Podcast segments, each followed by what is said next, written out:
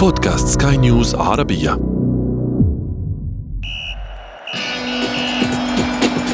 أثير الكرة.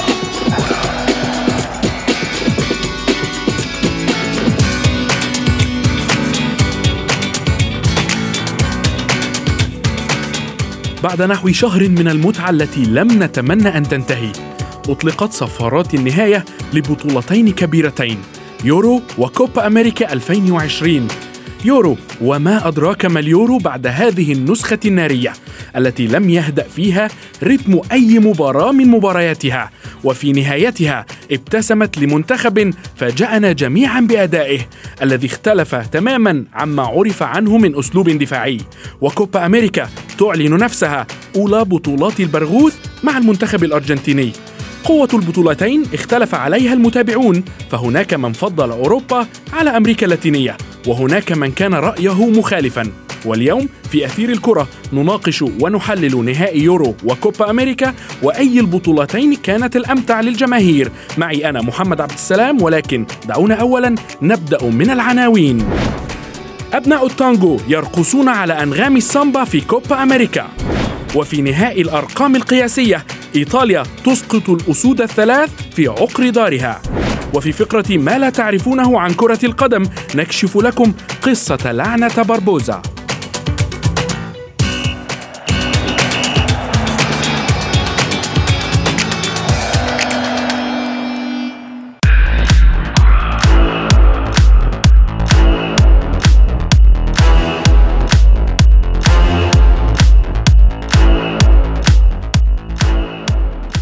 أهلا ومرحبا بكم مستمعينا الكرام في حلقة جديدة من أثير الكرة. كتب منتخبا إيطاليا والأرجنتين السطر الأخير من كتاب المتعة لبطولتي يورو وكوبا أمريكا 2020 وأعادوا إلى الأذهان قدرات المنتخبات الكبيرة التي كانت قد اختفت خلال الأعوام الأخيرة. كما أن عشاق كرة القدم اختلفوا بين أي البطولتين أمتع يورو أم كوبا أمريكا.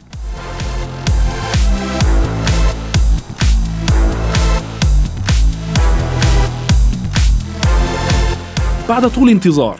وبعد محاولات مستمرة استطاع النجم الأرجنتيني ليونيل ميسي أن يقود منتخب التانجو إلى التتويج ببطولة كوبا أمريكا 2020 بعد تغلبه على منتخب البرازيل في عقر داره بهدف دون رد.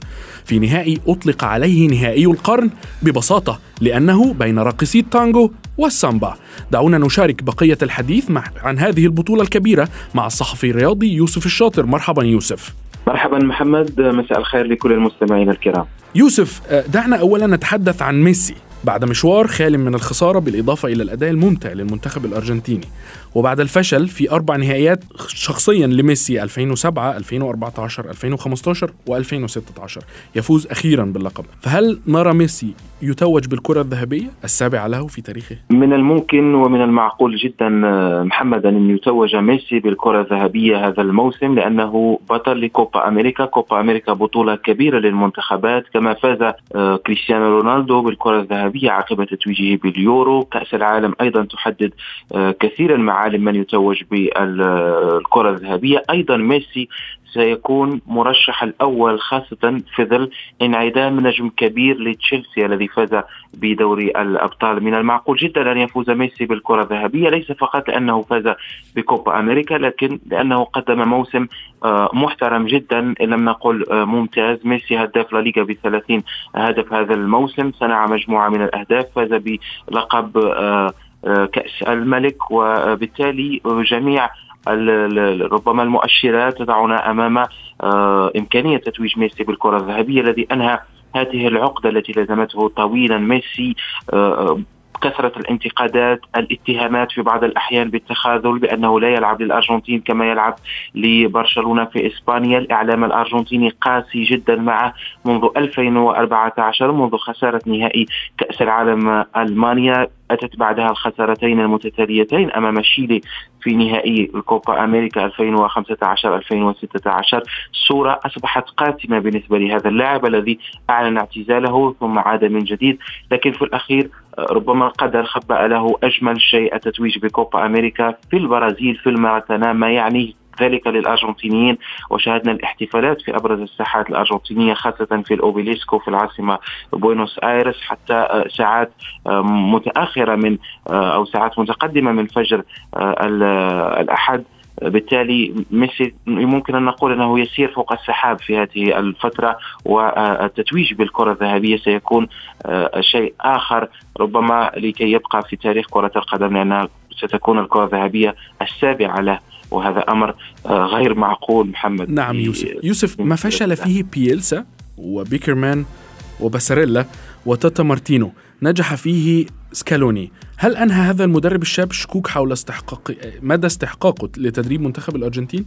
طبعا طبعا آه، محمد واقتطع له بطاقة تدريب المنتخب في كاس العالم المقبلة لأن حتى مباراة نصف النهائي في الإعلام الأرجنتيني كانوا يتحدثون عن إمكانية تعيين مارسيلو جاشاردو مدرب ريفر بليت كمدرب أول للمنتخب والاستغناء عن سكالوني لأنه لا يمتلك التجربة اللازمة لقيادة الأرجنتين. سكالوني لم يدرب في حياته أي منتخب كان مساعدا لسان آه، باولي في إشبيليا جاء به للمنتخب الأرجنتيني عندما تسلم آه، ذلك بعد الخروج المخيب في كأس العالم الماضية آه، تمت إقالة سان باولي والمساعد الأول بيكاسيسي واستمر فقط ليونيل سكالوني كمدرب لهذا المنتخب مدرب مؤقت ثبت بعد ذلك وقام بتشكيل آه، طاقم تقني يتكون من والتر سامويل روبرتو أيالا وأيضا آه، بابلو أيمار. المنتخب الأرجنتيني كان في فترة ممكن أن نقول فترة انتقالية لا أحد كان يظن أن سكالوني سيستمر مع هذا المنتخب.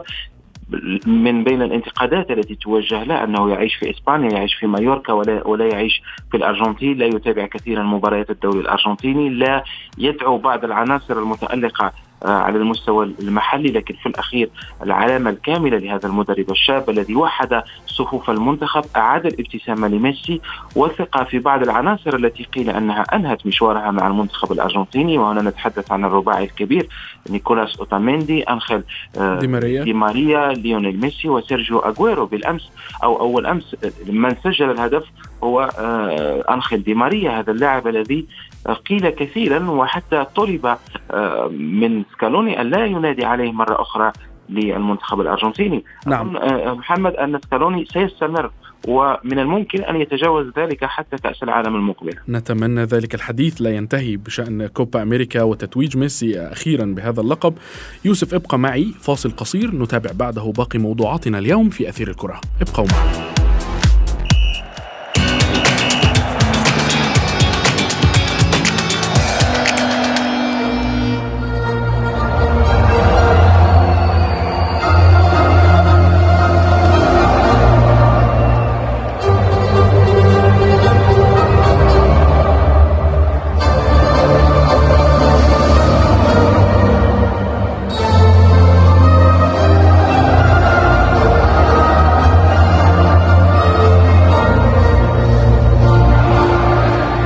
بعد مباراة ماراثونية وأكثر من 120 دقيقة من الترقب حسم المنتخب الإيطالي لقبه الثاني لبطولة أمم أوروبا بركلات الترجيح ويخطف الأتزوري فوزا غاليا من المنتخب الإنجليزي في عقر داره وبين جماهيره.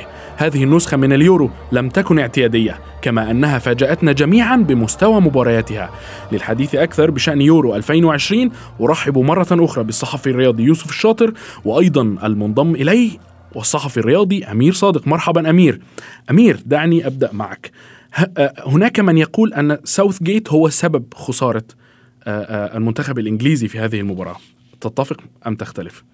مرحبا صديقي محمد. يمكن مثل ما رأينا بالأمس المباراة العصيبة والمثيرة للغاية ما بين المنتخبين الإيطالي والإنجليزي يعني ربما يتحمل جزء كبير من المسؤولية ساوث جيت عن هذه الهزيمة التي تلقاها المنتخب الإنجليزي وإحباط امال آه، الجماهير الإنجليزية التي كانت تتطلع لأن يحصد منتخب الأسود الثلاثة أول بطولة كبرى منذ 1966 لقب كأس العالم الذي حصل عليه وربما كانت هذه المرة هي الأقرب يعني البعض يرى أن إذا لم تحصد هذه النسخة فمتى ستفوز إنجلترا ببطولة كبرى.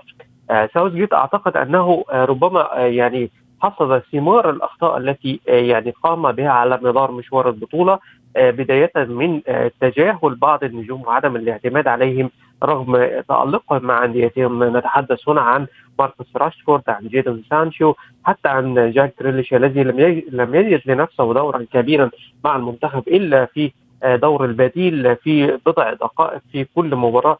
لذلك يشارك وتشعر بأنه تائه في الملعب ولا وليس هناك تأثير حقيقي لمشاركته بعكس ما يقدمه المردود الفني الكبير الذي يقدمه مع أستون فيلا يختلف تماما عما آه، يظهر به مع المنتخب الإنجليزي. حتى قرار آه، ساوثجيت بمشاركة راشفورد وجيرون سانشو في الدقائق الأخيرة. آخر دقيقتين تحديدا من المباراة. آه تسديد ركلات الترجيح ربما لم يكن موفقا جرت العادة يعني في مثل هذه الظروف أن تدفع بحارس مرمى. ربما أنك ترى هناك حارس آخر أكثر تميزا في ركلات الترجيح وهذا يضع ضغطا على المنافس. أنك آه، يعني تدفع بحارس مرمى ربما يجيد التعامل مع الركلات الثابتة أو آه، الركلات الثابتة من علامة الجزاء وركلات الترجيح. آه، فهذا يعطي انطباعا أنك تراهن على لاعب آه، أو هذا الحارس أما عندما تدفع بلاعب بعيد كل البعد عن هذه عن عن, عن أجواء, عن أجواء المباراة العصيبة آه التي يعني شهدت آه حماسا طيلة أكثر من 120 دقيقة. فبالتالي أنت تضع ضغطا على هذا اللاعب الذي سيسدد. معنى ذلك أنك آه تثق فيه بنسبة 100% أنه سيسدد هذه الركلة. وفي في الوقت ذاته لا تمنح هذه الثقة للاعبين الذين أكملوا اللقاء ويشعرون بتلك الحماسة والأجواء المثيرة آه، طيلة ال 120 وقت المباراة الأصلي والإضافي. فبالتالي هنا الخطأ الذي ارتكبه ساوث جيت والذي كان بمقدوره أن يتفاداه وأن يجاري آه، آه، مانشيني روبرتو مانشيني حتى النهاية في ركلات الترجيح لأنها أيضا لعبة عقل أيضا وليست يعني تحتاج إلى مجهود ذهني أكثر. آه، وتركيز في يعني تنفيذ الركلات خاصة أن المنتخب الإيطالي قد فاز في المباراة الماضية على إسبانيا. أيضا بركلات, بركلات الترجيح نعم إذا نعم. تعلم أن هذا المنافس وهذا المنتخب يجيد التعامل مع هذه المواقف. نعم يوسف أمير تحدث عن اللاعبين الشبان خاصة راشفورد وسانشو.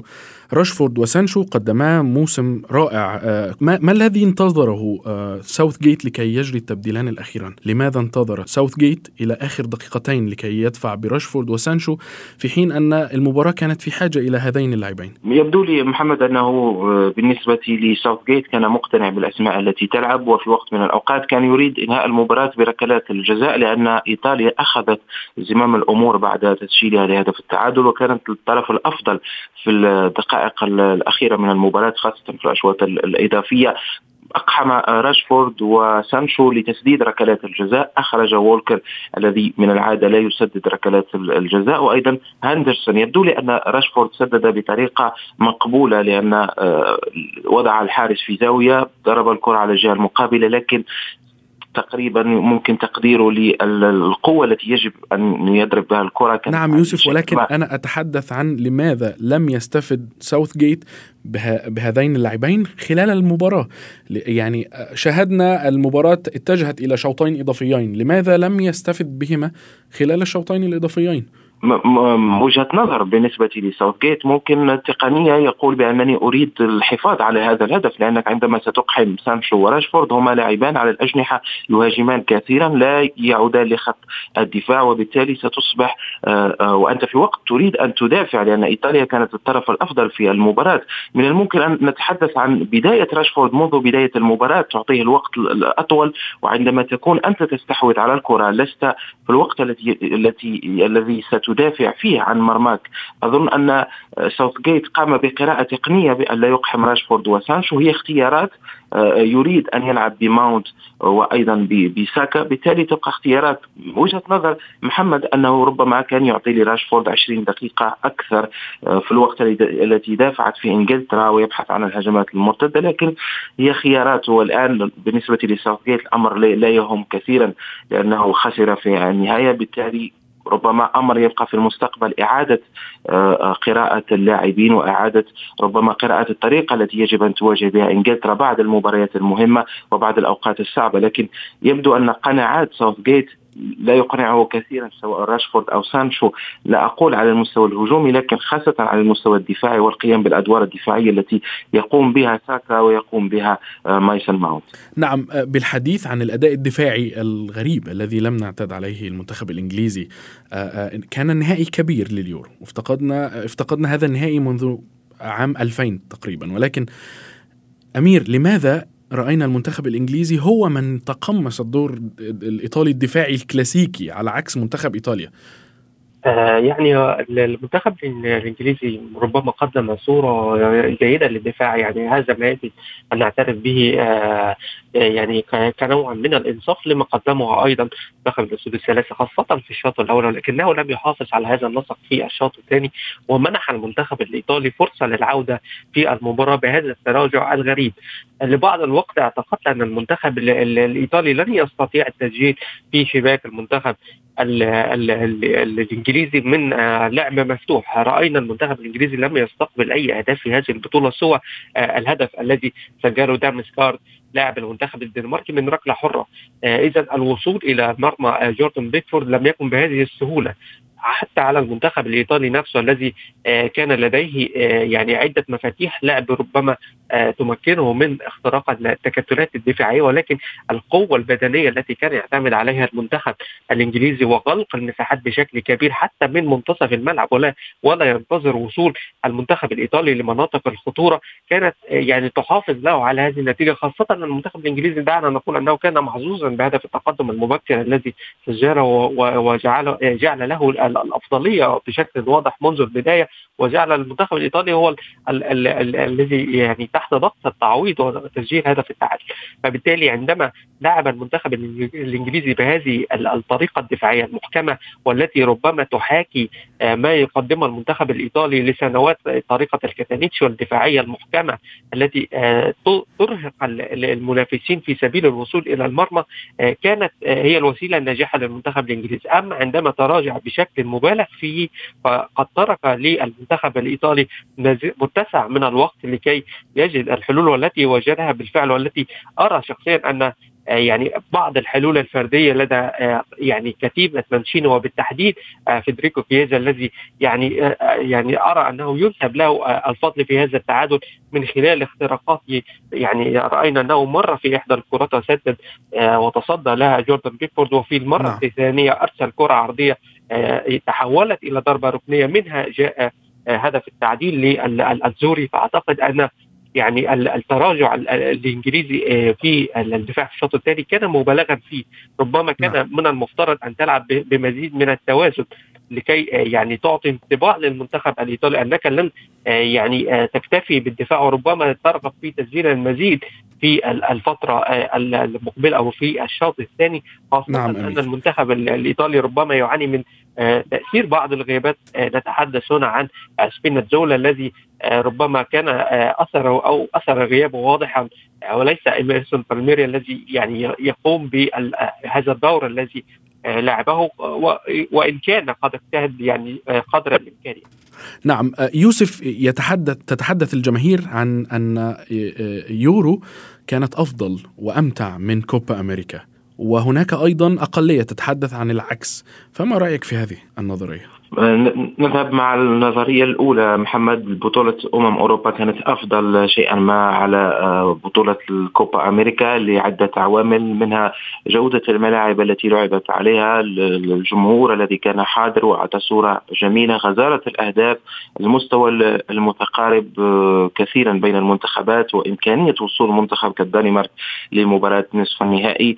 بالنسبة للكوبا أمريكا نعرف الظروف التي حضر فيها لهذه الدورة. كان من المرتقب أن تنظم في الأرجنتين وكولومبيا انسحبت كولومبيا تبعتها الأرجنتين وضعت الفكرة على البرازيل التي قبلت في آخر اللحظات. لم يتم تجهيز الملاعب في صورة آه، مثالية خاصة على مستوى عشب الملعب. تراجع أداء المنتخبات. كان لها وزن في الماضي آه، ككولومبيا كالبيرو. على مستوى اللاعبين ليس هنالك أسماء رنانة. ما يجعل المنتخبات الأرجنتين والبرازيل البرازيل تجد شيء من السهولة في المرور للأدوار المتقدمة. تقريبا الأرجنتين لعبت مباراة واحدة كانت صعبة كانت أمام كولومبيا في الدور آه، نصف النهائي. آه، البرازيل لم تعاني كثيرا كي تصل للمباراة النهائية. لذلك نذهب مع الطرح الأول لأن بطولة أمم أوروبا تبقى الأفضل آه، على المستوى التقني على نعم مستوى يوسف. التنافس وأيضا على مستوى الصورة. نعرف قيمة الصورة محمد التي تعطى لنا من شاشة التلفزيون صورة أفضل في أوروبا. بالتأكيد أمير سريعا هل ترى أن موعد بث مباريات كوبا أمريكا هو الذي ظلم هذه البطولة مقارنة باليورو؟ يعني ربما يكون الموعد جزء من يعني هذه أو هذا الطرح الخاص ب يعني عدم مشاهدة أو عدم قناعة البعض بالمستوى الفني لبطولة كوبا أمريكا مقارنة باليورو ولكن ليس كل شيء. يعني نتحدث هنا عن بطولة يعني في نظام غريب للغاية الحقيقة.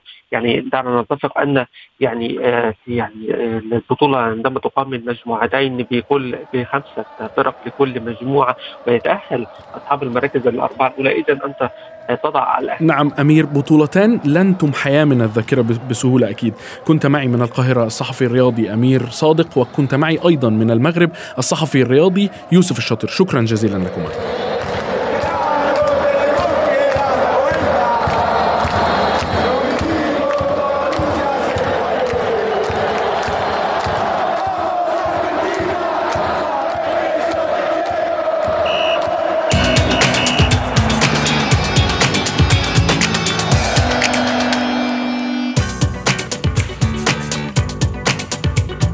وصلنا إلى فقرة ما لا تعرفونه عن كرة القدم ونتعرف فيها على إحدى القصص الغريبة في عالم المستديرة وهي قصة لعنة باربوزا والتي بدأت بعد خسارة منتخب البرازيل لنهائي كأس العالم عام 1950 على أرضها وأمام عدد كبير من جماهيرها في ملعب الماراكانا بنتيجة هدفين مقابل هدف وحيد لمنتخب الأوروغواي. كلمة السر واللاعب الذي حمله كل البرازيليين. نتيجة هذه الخسارة التاريخية هو الحارس مواكير باربوزا صاحب البشرة السمراء. وهو الحارس الذي عرف عنه أيضا أنه لم يكن يرتدي قفازات أثناء المباريات وساهم بتتويج منتخب السامبا بلقب كوبا أمريكا الثالثة في تاريخها عام 49 أي قبل عام واحد فقط من بداية اللعنة. ففي نهائي كأس العالم عام 50 وأمام عدد قياسي من الجماهير الغفيرة التي حضرت لكي تشهد تتويج منتخب بلادها في ملعب ماراكانا. تقدم منتخب السيليساو بعد دقيقتين فقط من الشوط الثاني لكن منتخب الأوروغواي أدرك التعادل في الدقيقة السادسة والستين قبل أن ينجحوا في تسجيل هدف الفوز قبل 11 دقيقة فقط من نهاية المباراة. عبر تصويبة ضعيفة فشل الحارس البرازيلي باربوزا في التعامل معها ومرت من تحت يديه وسكنت الشباك. بعد هذه المباراة عانى باربوزا من توابع هذا الهدف طيلة حياته حتى إنه لم يستطع الزواج ولم تعد له عائلة حتى إنه وبعد هذه الواقعة بأكثر من أربعين عاما وتحديدا عام 93 رفض رئيس الاتحاد البرازيلي لكرة القدم حينها ريكاردو تيكسيرا السماح لباربوزا بالتعليق على مباراة للمنتخب قائلا إن الأطفال سيسألون عن اسم المذيع وحينها سيقال لهم أنه شخص تسبب في بكاء أبناء الشعب البرازيلي. وتمثلت اللعنة في بقاء مركز حراسة مرمى منتخب البرازيل منذ العام 1950 ولمدة تخطت ال 55 عاما ممنوعا على أصحاب البشرة السمراء حتى انتدب نجم وحارس مرمى نادي ميلان الإيطالي ديدا لحماية عرين السامبا في كأس العالم 2006 وكان الحارس الأول ذا البشرة السمراء للبرازيل في المونديال منذ باربوزا. الجدير بالذكر أن باربوزا اختير من قبل الاتحاد الدولي للتاريخ والإحصاء كثالث أفضل حارس في تاريخ منتخب السامبا بهذا مستمعينا نكون قد وصلنا وإياكم إلى صافرة النهاية لحلقة اليوم. انتظرونا في حلقات جديدة. كنت معكم أنا محمد عبد السلام. إلى اللقاء. أثير الكرة.